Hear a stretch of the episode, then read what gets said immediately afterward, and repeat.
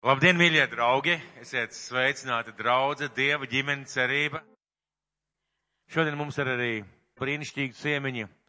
Uh, misionāri daudz gadus, ne vienu, divus, bet pat desmitiem gadus. Uh, Rodžers Puks ar kundzi Kristīnu.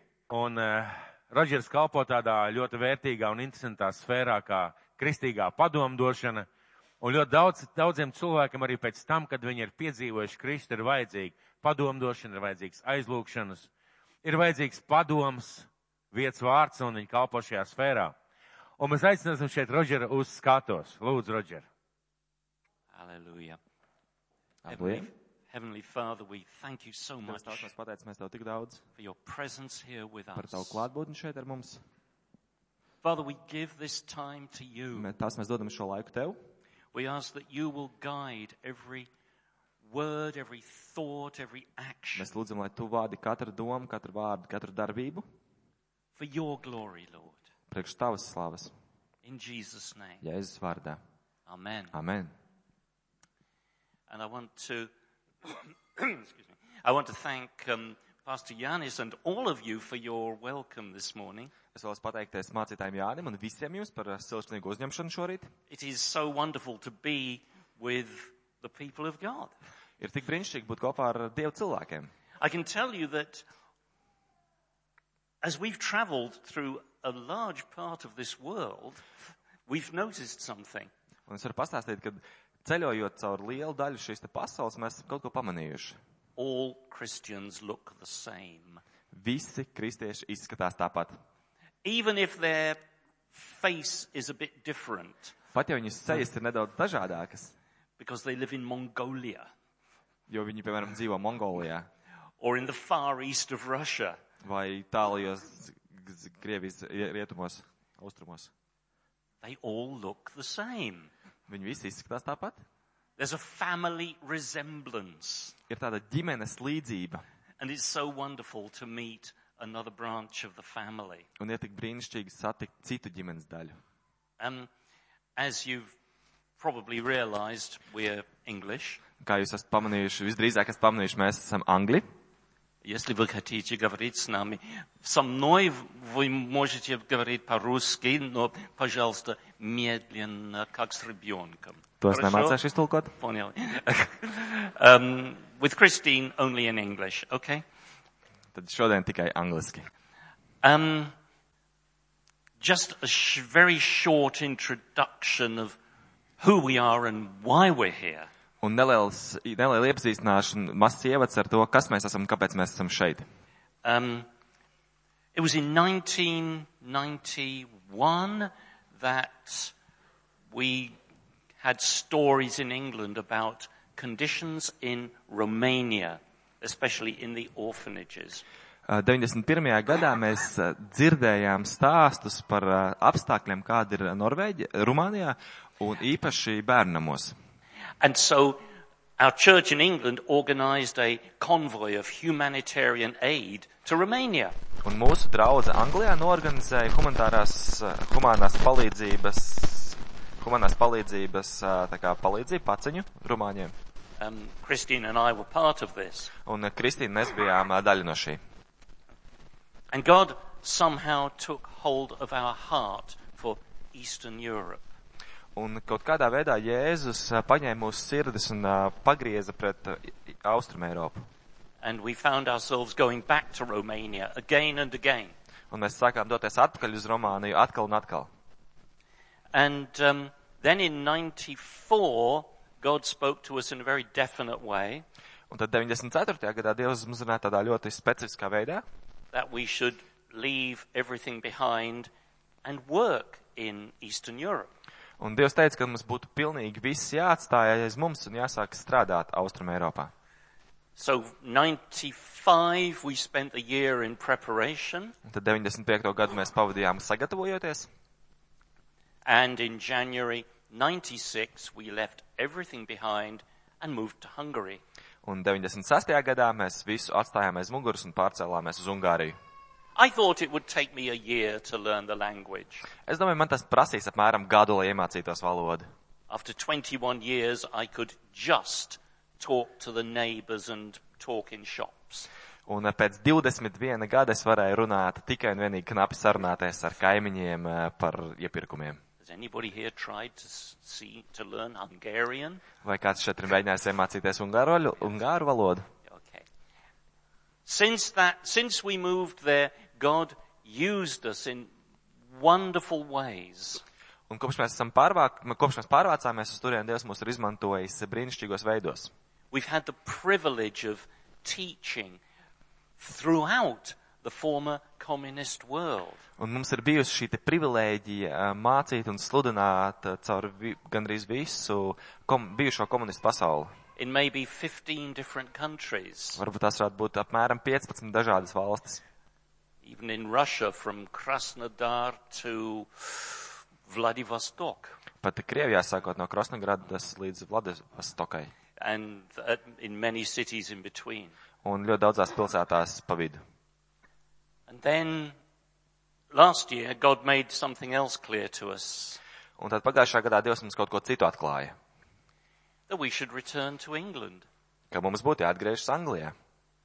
Probably not a bad idea because we are 74 years old. Iespējams, nav tā sliktākā ideja, jo mums ir 74 gadi, But the work did not stop. bet uh, tas darbs neapstājās. And so here we are again. Un tad nu šeit mēs atkal esam. and we are teaching about Christian counseling, Un mēs mācam par kristiešu padomdošanu.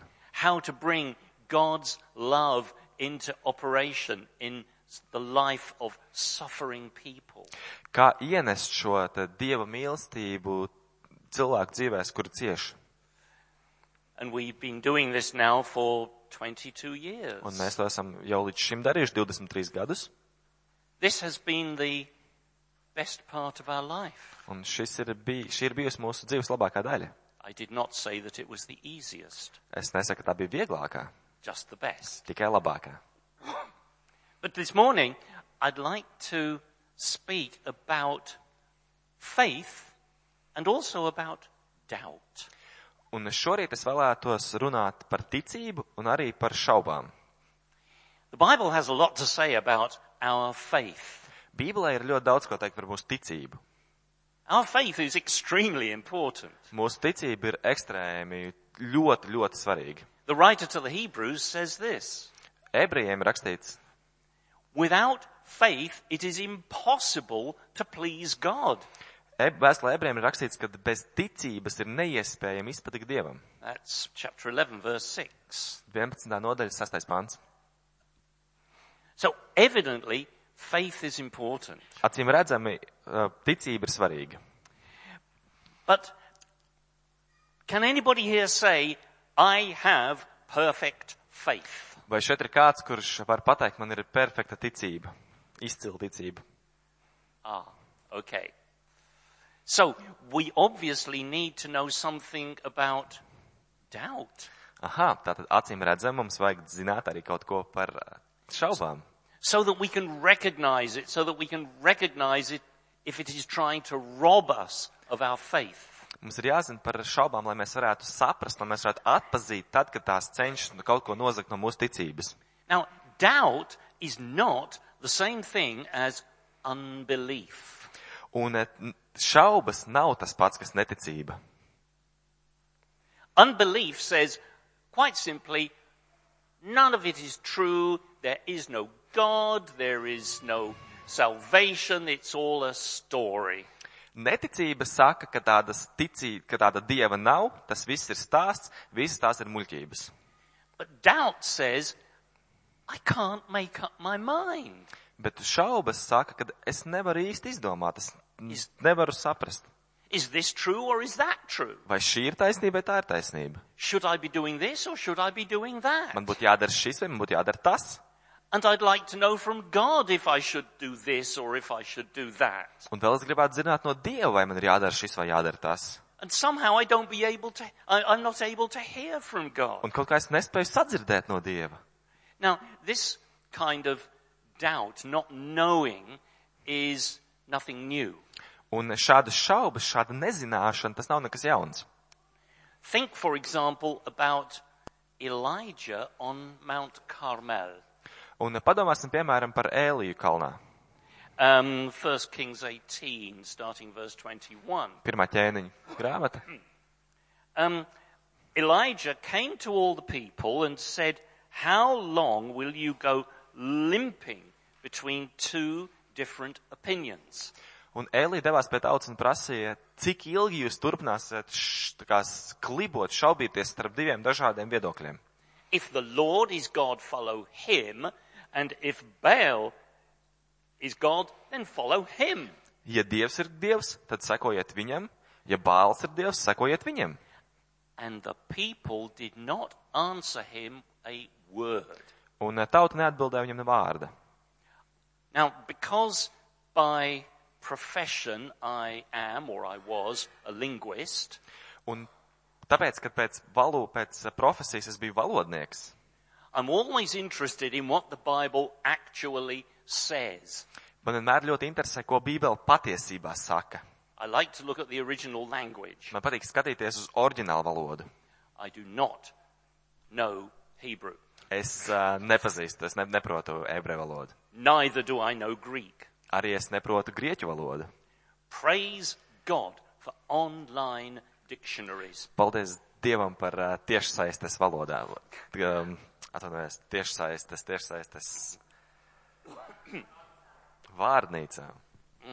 Paldies Dievam par Google. Yeah. And so I think, I thought, does it really say that we limp between two opinions? Un man ļoti interesēja, vai tiešām Bībele saka, ka mēs klibojam starp diviem viedokļiem. And I found, yes, it does. Un es atradu, jā, tā saka. Patsach is the word. Pats ir tas vārds. it means to limp. Tas nozīmē klibot. Well, you see, if you've got two opinions trying to work at once, Un saproti, ja tev ir divi viedokļi, divas domas, pa- kuras mēģina, kura, ar kurām tu mēģini strādāt vienlaicīgi, you're not going to make any progress. tev nebūs nekāda progresa. Now, when the people saw God bring down fire from heaven and burn up the sacrifice, Klausies, tie cilvēki, kuri redzēja, kā no debesīm nokrīt uguns un sadedzina šo te upuri, then they had faith. tad viņiem bija ticība. Then they fell on their face Tad viņi nokrita uz zemes, and they shouted, The Lord is God! un tad viņi, tad viņi kliedz, tur Dievs ir kungs. But they needed a demonstration of God's presence and power in order to have the faith. Bet šiem cilvēkiem vajadzēja demonstrāciju Dieva spēka un viņa bu- esamības, lai viņi ticētu. It's interesting that the name of Elijah means the Lord is God. Interesanti, ka ēlijas vārds nozīmē, ka Dievs ir Dievs. Did he have the name before he went up Mount Carmel, or did they give him the name afterwards? Vai ēlijam mm. bija šis vārds pirms viņš uzkāpa kalnā, jeb arī pēc tam? I don't know, and the Bible does not tell us. To es nezinu, un Bībele mums to nepasaka. But the people no longer had any doubt. Bet tajā brīdī cilvēkiem vairs nebija šaubu. And then something really strange happened. Un tad kaut kas ļoti dīvains notiek. After this amazing victory on Mount Carmel, Pēc šīs te brīnišķīgās, abrīnojamās uzvaras Karmela kalnā Jezebel threatened Elijah Izabela draud ēlijam, and he ran. un viņš mūk. And he acted like the weakest person you can imagine. Un tajā brīdī viņš sāk uzvesties kā vājākā persona, kur jūs varat iedomāties. What on earth was happening? Kas notika? You see, if you are quite sure of your faith that it will never leave you, Saprotiet, ja jūs esat pilnīgi pārliecināti par savu ticību, ka tas nekad nebeigsies, be very careful. esiet ļoti uzmanīgi. What does the Bible say? Ko Bībele saka? Let him who thinks that he stands take care lest he fall. Parūpējieties par, par to, kurš domā, ka viņš stāv, lai viņš parūpēs par to, ka viņš nekrīt. And God had to meet Elijah in a very special way Un Dievam nācās satikt Eliju ļoti īpašā veidā and restore him un atjaunot viņu and how did he restore him? Un kā Dievs atjaunoja Ēliju? He gave him very specific tasks. Dievs deva Ēlijam ļoti specifiskus uzdevumus. You can read that for yourself. Jūs to varat ā, palasīt Ēlijas grāmatā. But let's look at what the New Testament says about doubt. Bet tagad paklausīsimies, ā, ko jaunā darība saka par šaubām. Um, the Apostle James, we say in English, Yaakov, um, said something very good about. Apstults Jānis ir teicis kaut ko ļoti labu par He Jākabu. said, this is chapter 1, verses 5 to 7. If any of you lacks wisdom, let him ask God, who gives generously to all without reproach, and it will be given him. Bet, ja kādam no jums trūkst gudrības, tas lai to lūdz no Dieva, kas visiem dod devīgi un nepārmestams, un viņam taps dots. But let him ask in faith with no doubting. Bet lai viņš lūdz ticībā, nemaz nešaubīdamies. If you ask God for anything, you've got to believe that He's going to give it to you. Ja jūs prasat Dievam kaut ko, jums ir jātic, ka viņš jums to dos. How often have you heard the prayer which has no faith? Cik bieži jūs esat dzirdējuši lūgšanu, kurai nav ticības? Oh Lord, if it is your will, Ak, Dievs, ja this. tā ir tava griba, izdari to. that prayer has no faith. Tādai lūgšanai nav ticības. I know the Bible says that we must pray according to His will, Es zinu, ka Bībele saka, mums ir jālūdz atbilstoši Dieva gribai. So is it not better to find out what God's will is before we pray? Tāpēc vai labāk un gudrāk nebūtu no sākuma noskaidrot, kas ir Dieva griba, pirms mēs lūdzam? When James says without with no doubting, Kad Jēkabs saka bez šaubīšanās, the Greek word is grieķu vārds ir diakrino. diakrinu.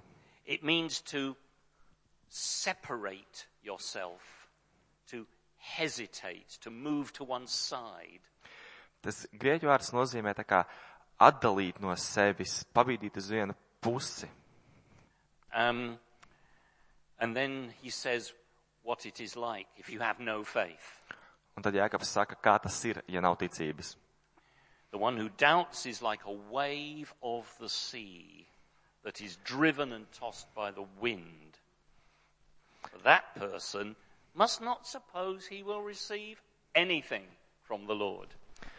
Un Bībelē rakstīts, jo kas šaubās, līdzinās vēja dzītam un mētātam jūras vilnim.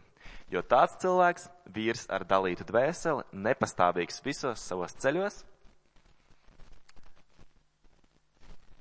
So our doubt, our lack of faith, actually enables us to be just blown off course, to be blown anywhere. We will not follow God's way. Tātad mūsu šaubas, mūsu nepastāvība ļauj mums būt tādiem, kurus mētā uz visām pusēm. But then comes uh, in the end of Matthew's Gospel a passage about doubt which I puzzled over for years and years. Mateja evaņģēlī beigās ir rakstvieta, kas man par, par, kas rakstvieta par šaubām, kas man personīgi bija kā, kā tāda mīkla, kuras nevarēja saprast līdz galam gadiem ilgi. Chapter 28, starting at verse 16. 22. nodaļa sākot ar 16. pantu. So the eleven disciples went to Galilee, to the mountain to which Jesus had directed them. And when they saw him, they worshipped him, but some doubted. Bet viņa 11 mācekļi nogāja uz Galileju, uz to kalnu, kur- kur Jēzus tiem bija pavēlējis. Un kad tie viņu redzēja, tie nokrita viņa priekšā ceļos, bet citi šaubījās. I did not understand that at all. Es šo nesapratu pilnībā. Think about it for a moment. Padomājiet par to mirkli. These 11 disciples who were left had followed Jesus for three years. Šie 11 mācekļi, kuri bija atstāti, viņi bija sekojuši Jēzum 11 gadus. They 3 heard, gadus, all, atvainojos, 3 gadus.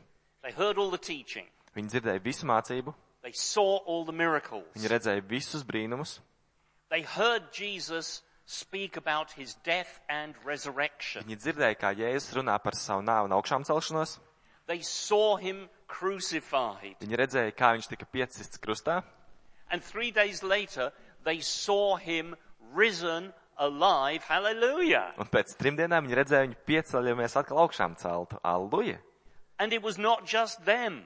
Un tas nebija tikai, ka viņi. Hundreds of other people saw the risen Lord Jesus. Simtiem citu cilvēku redzēja augšām celto kungu Jēzu. What room was there for doubt? Kur vēl tur šaubīties? And I just could not understand this verse. Un es vienkārši nevarēju saprast šo raksturvietu. And so, about oh, a few years ago, I looked at the wonderful Greek dictionary. Un tad ā, pāris gadus atpakaļ š- par šo raksturvietu es paskatījos uz brīnišķīgo grieķu vārnīcu. And I found out two amazing things. Un es atradu, uzzināju divas brīnišķīgas lietas. The first is this. In the Greek original, there is a word missing that is in all our translations. Un eh, pirmā lieta, kas, man, eh, kas mani pārsteidz, tas, ka pietrūkst viens tulkojums, mū- viena lieta mūsu tulkojumos. That is the word some, or I think in your translation, the word others. Un tas ir vārds eh, daži, mūsu gadījumā tas ir eh, citi. It's not there in the Greek. Grieķu valodā tas nav tur. Grieķu bībelē, oriģināla tekstos nav vārds citi. It says, they worshipped, but they doubted. Grieķu valodā šī raksturvieta saka, viņi pielūdza, bet viņi šaubījās. That's it. Un tas ir viss. So how can you both worship and doubt at the same time? Tātad, kā tu vari pielūgt un šaubīties vienlaicīgi? It gets worse, not better, doesn't it? Un Paliek tikai sliktāk, nepaliek labāk, vai ne? So then I found out what the word that every translation calls doubt actually means. Un tad es uzzināju, ko tas vārds, kas šeit ir rakstīts šaubas, patiesībā nozīmē. In Greek, distadzo. Grieķu valodā distadzo. hmm That doesn't help. Um, Nepalīdz.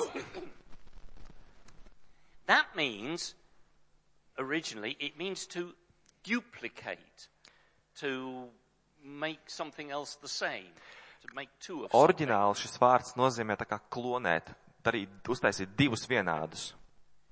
And what does that mean? Ko tas nozīmē? Actually, what it means is they had at least two different ideas in their mind. Un ko tas patiesībā nozīmē, ka šiem te mācekļiem 11, kas pielūdza tajā laikā un šaubījās, ka viņiem vienlaicīgi bija divas domas prātā. All right, we are, we are worshipping Jesus because he's alive again. Jē, mēs pielūdzam Dievu, tāpēc, ka viņš atkal ir dzīves, But we don't know what happens next. bet mums nav ne jausmas, kas notiek tālāk.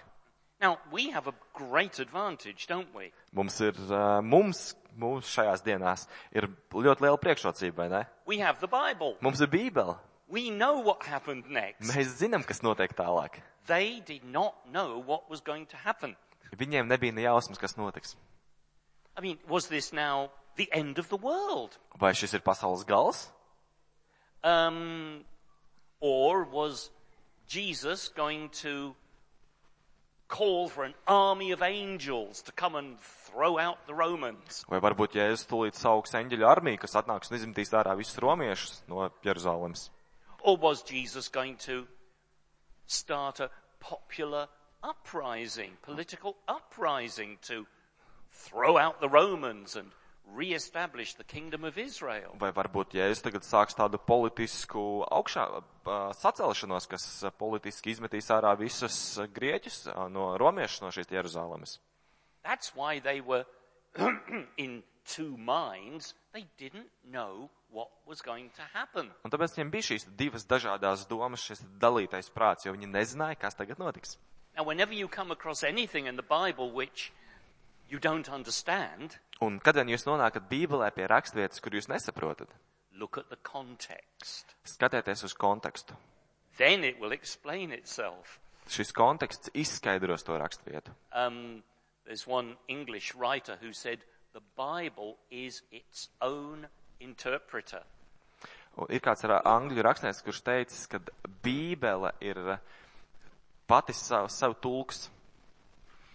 So, just as God told Elijah what he was going to do, Tātad tieši tāpat kā, what he should do, I mean, ti- tieši tāpat kā Dievs pateica Ēliem, ko viņam vajadzētu darīt.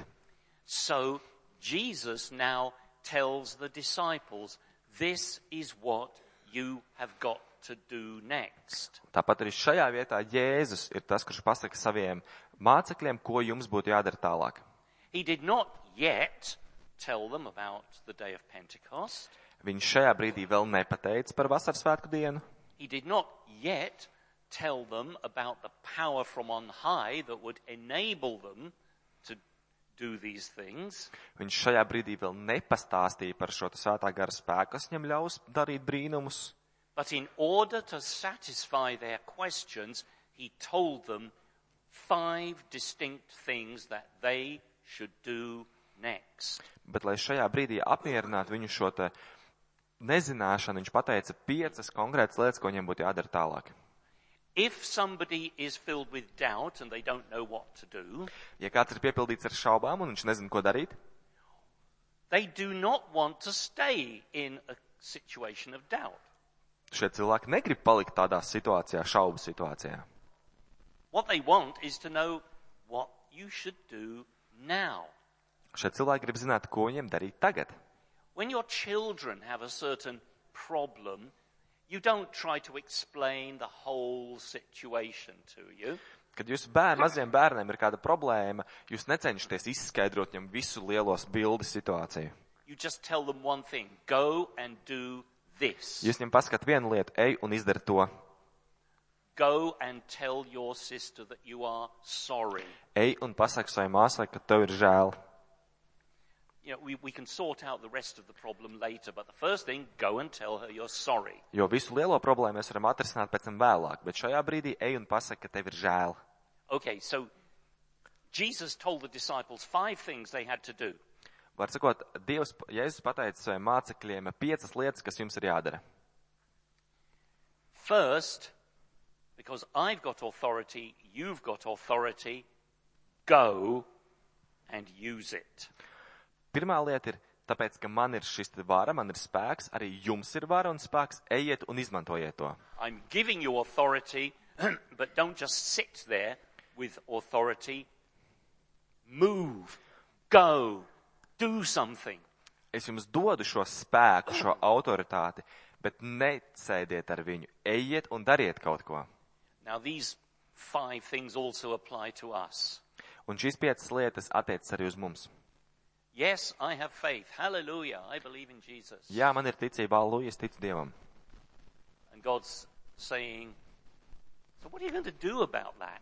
Un tajā brīdī Dievs saka, nu super, ko tu ar to tagad darīsi? Why are you just sitting there? Kāpēc tur sēdi? Go, do something. Ej, dari kaut ko. Um, then Jesus becomes more specific as to what they should do. Tad, ja es palieku, ka paskaidroju daudz specifiskāk, ko viņam vajadzētu darīt. First thing, make more disciples. Pirmā lieta - da- dariet vairāk mācekļu. Right. Um, what is a disciple? Kas ir māceklis? Well, a disciple's a Christian. That's Kas ir, it. tas ir māceklis kristietim. It's the same thing. Māceklis ir kristietis, tā tāpat lieta. Jā. Pasakot, Dariet Um, vairāk kristiešus. And um, in Acts 11:26, we are told the disciples were first called Christians in Antioch. Apstuļu darbos mēs lasām, ka no sākuma mācekļus sauca par kristiešiem. Antiohijas draudzē. You know, a disciple doesn't mean somebody from the from 2,000 years ago. It means us. Māceklis, kad mēs runājam par mācekļiem, mēs nerunājam par kādu 2000 gadus atpakaļ, mēs runājam par sevi. Christian is a disciple. Kristietis ir māceklis. Um, by the way, what did Christians call themselves before they were called Christians. Starp citu, kā kristieši sauca sevi pirms viņi tika nosaukti par kristiešiem.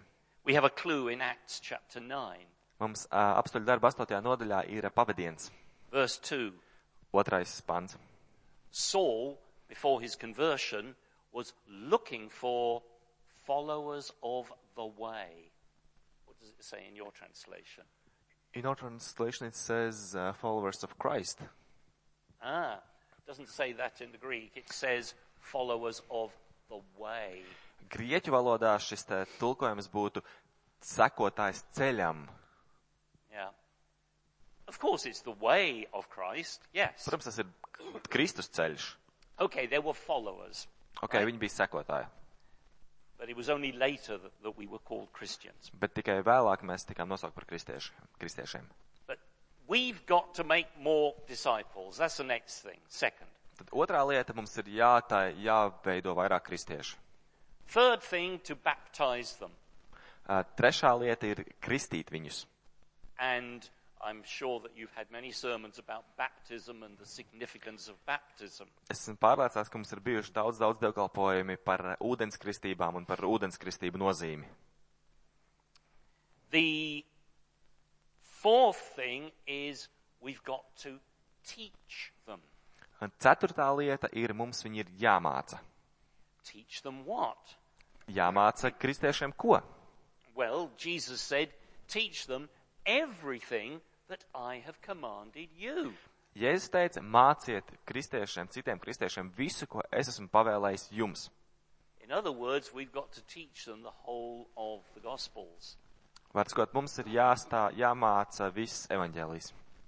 And then Jesus says, Lo, I am with you until the end of the age. Un ā, vēl viena lieta, Behold, I'm with you till the end of the age. ko, nākamā lieta, ko Jēzus pateica, kad ziniet, ka es esmu kopā ar jums līdz laiku galam, līdz pasaules beigām. And that is also a command, Un tā arī ir pavēle. because that word, behold, or lo in Old English, Jo šis te vārds, šis te ziniet, yeah, it's a command. tā ir pavēle. It means you keep, it means look, seek, search, Does- observe. Tas nozīmē, ka meklējiet, ā, mēģiniet saprast, izpētiet. We always have to look for the presence of Jesus Mums vienmēr ir jāmeklē Jēzus klātbūtne. in every situation. Katrā situācijā.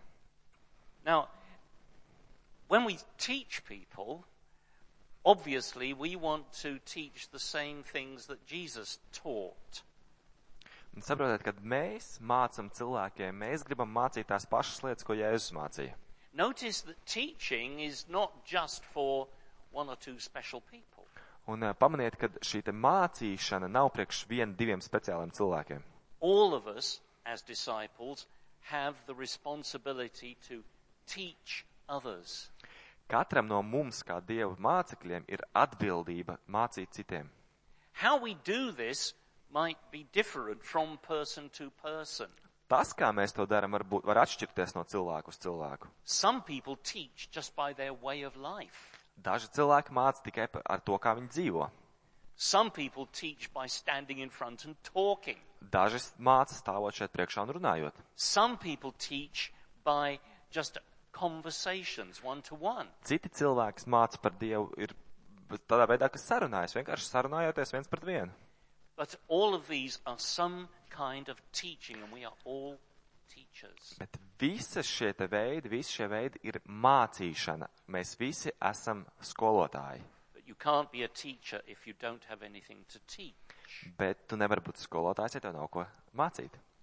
And if you feel that you don't have anything to teach, Un ja tu jūti, ka tev nav ko mācīt, you, f- you need to find another teacher and say, please tell me. ja tev pašam nav ko mācīt, tev ir jāatrod kāds cits, kuram tu vari prasīt, lūdzu, pastāsti man, iemāci tu man. Jesus gave a very short summary of what disciples were supposed to teach.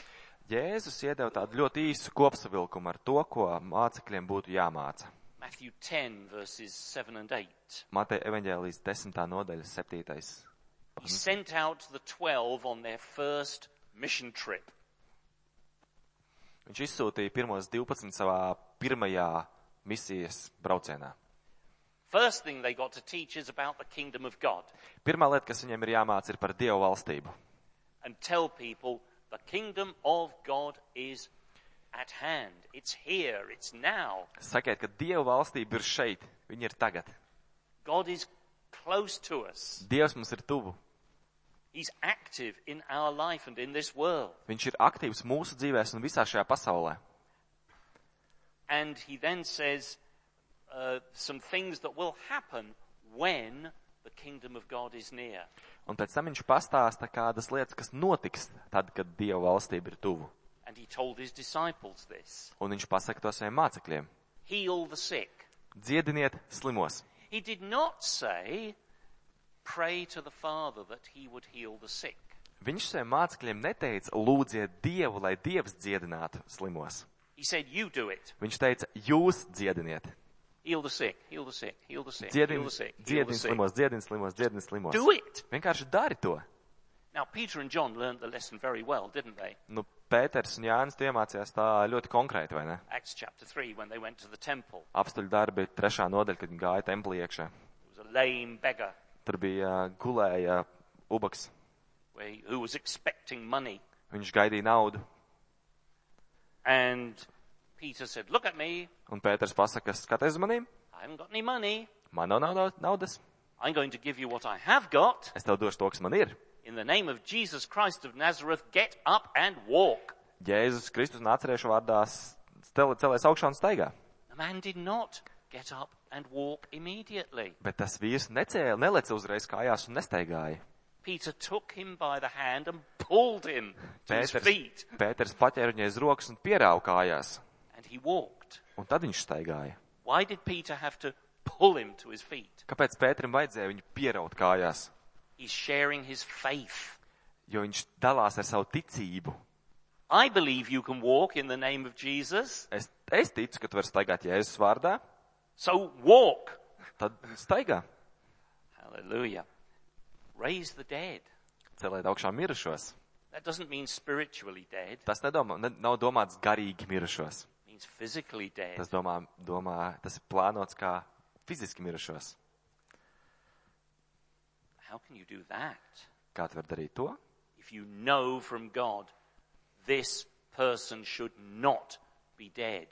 Ja tu zini no Dieva, ka šim cilvēkam nevajadzētu būt mirušam, Then you can pray for resurrection. tad tu vari lūgt par augšām celšanos. Um, cleanse lepers. Dziedini lepras slimniekus. Why that sickness? Kāpēc tā slimība? Because lepers were hated and feared. Lepras slimnieki tajā laikā bija uh, ienīsti un no viņiem baidījās. Imagine the rejection in the heart of a leper when everybody runs from them. Iedomājies šo te sajūtu lepras slimnieka sirdī, kad viss no tevis mūk. I think that Jesus is talking about inner healing, emotional healing, Šajā situācijā es personīgi domāju, ka Dievs ā, runā par iekšēju dziedināšanu, as emocionālu well as dziedināšanu physical. As well as physical. un arī fizisku. Cast out demons. Izdziniet dēmonus. Hollywood, the film industry, has a lot to answer for. Ā, Holivudai Uh, filmu industrijai ir daudz par ko jāatbild mūsdienās. Casting out demons is no big deal for a believer. Bet ā, ticieš, ticīgā dzīvē ē, dēmonu izdzīšanai nevajadzētu būt nekam super tādam wow. Just a little bit of the ministry of healing. Tā ir tikai viena maza daļiņa no dziedināšanas. But we haven't got time to talk about that. Mums par to šodien nav laika runāt. And you have received all this, says Jesus, without paying for it, so you give it without people paying.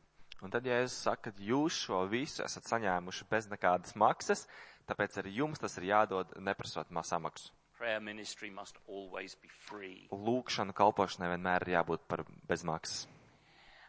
And all of this we do because Jesus gives us authority, Un visu to mēs varam darīt, tāpēc, ka Dievs mums dod spēku un autoritāti. not in our own strength. Ne mūsu pašu spēkā.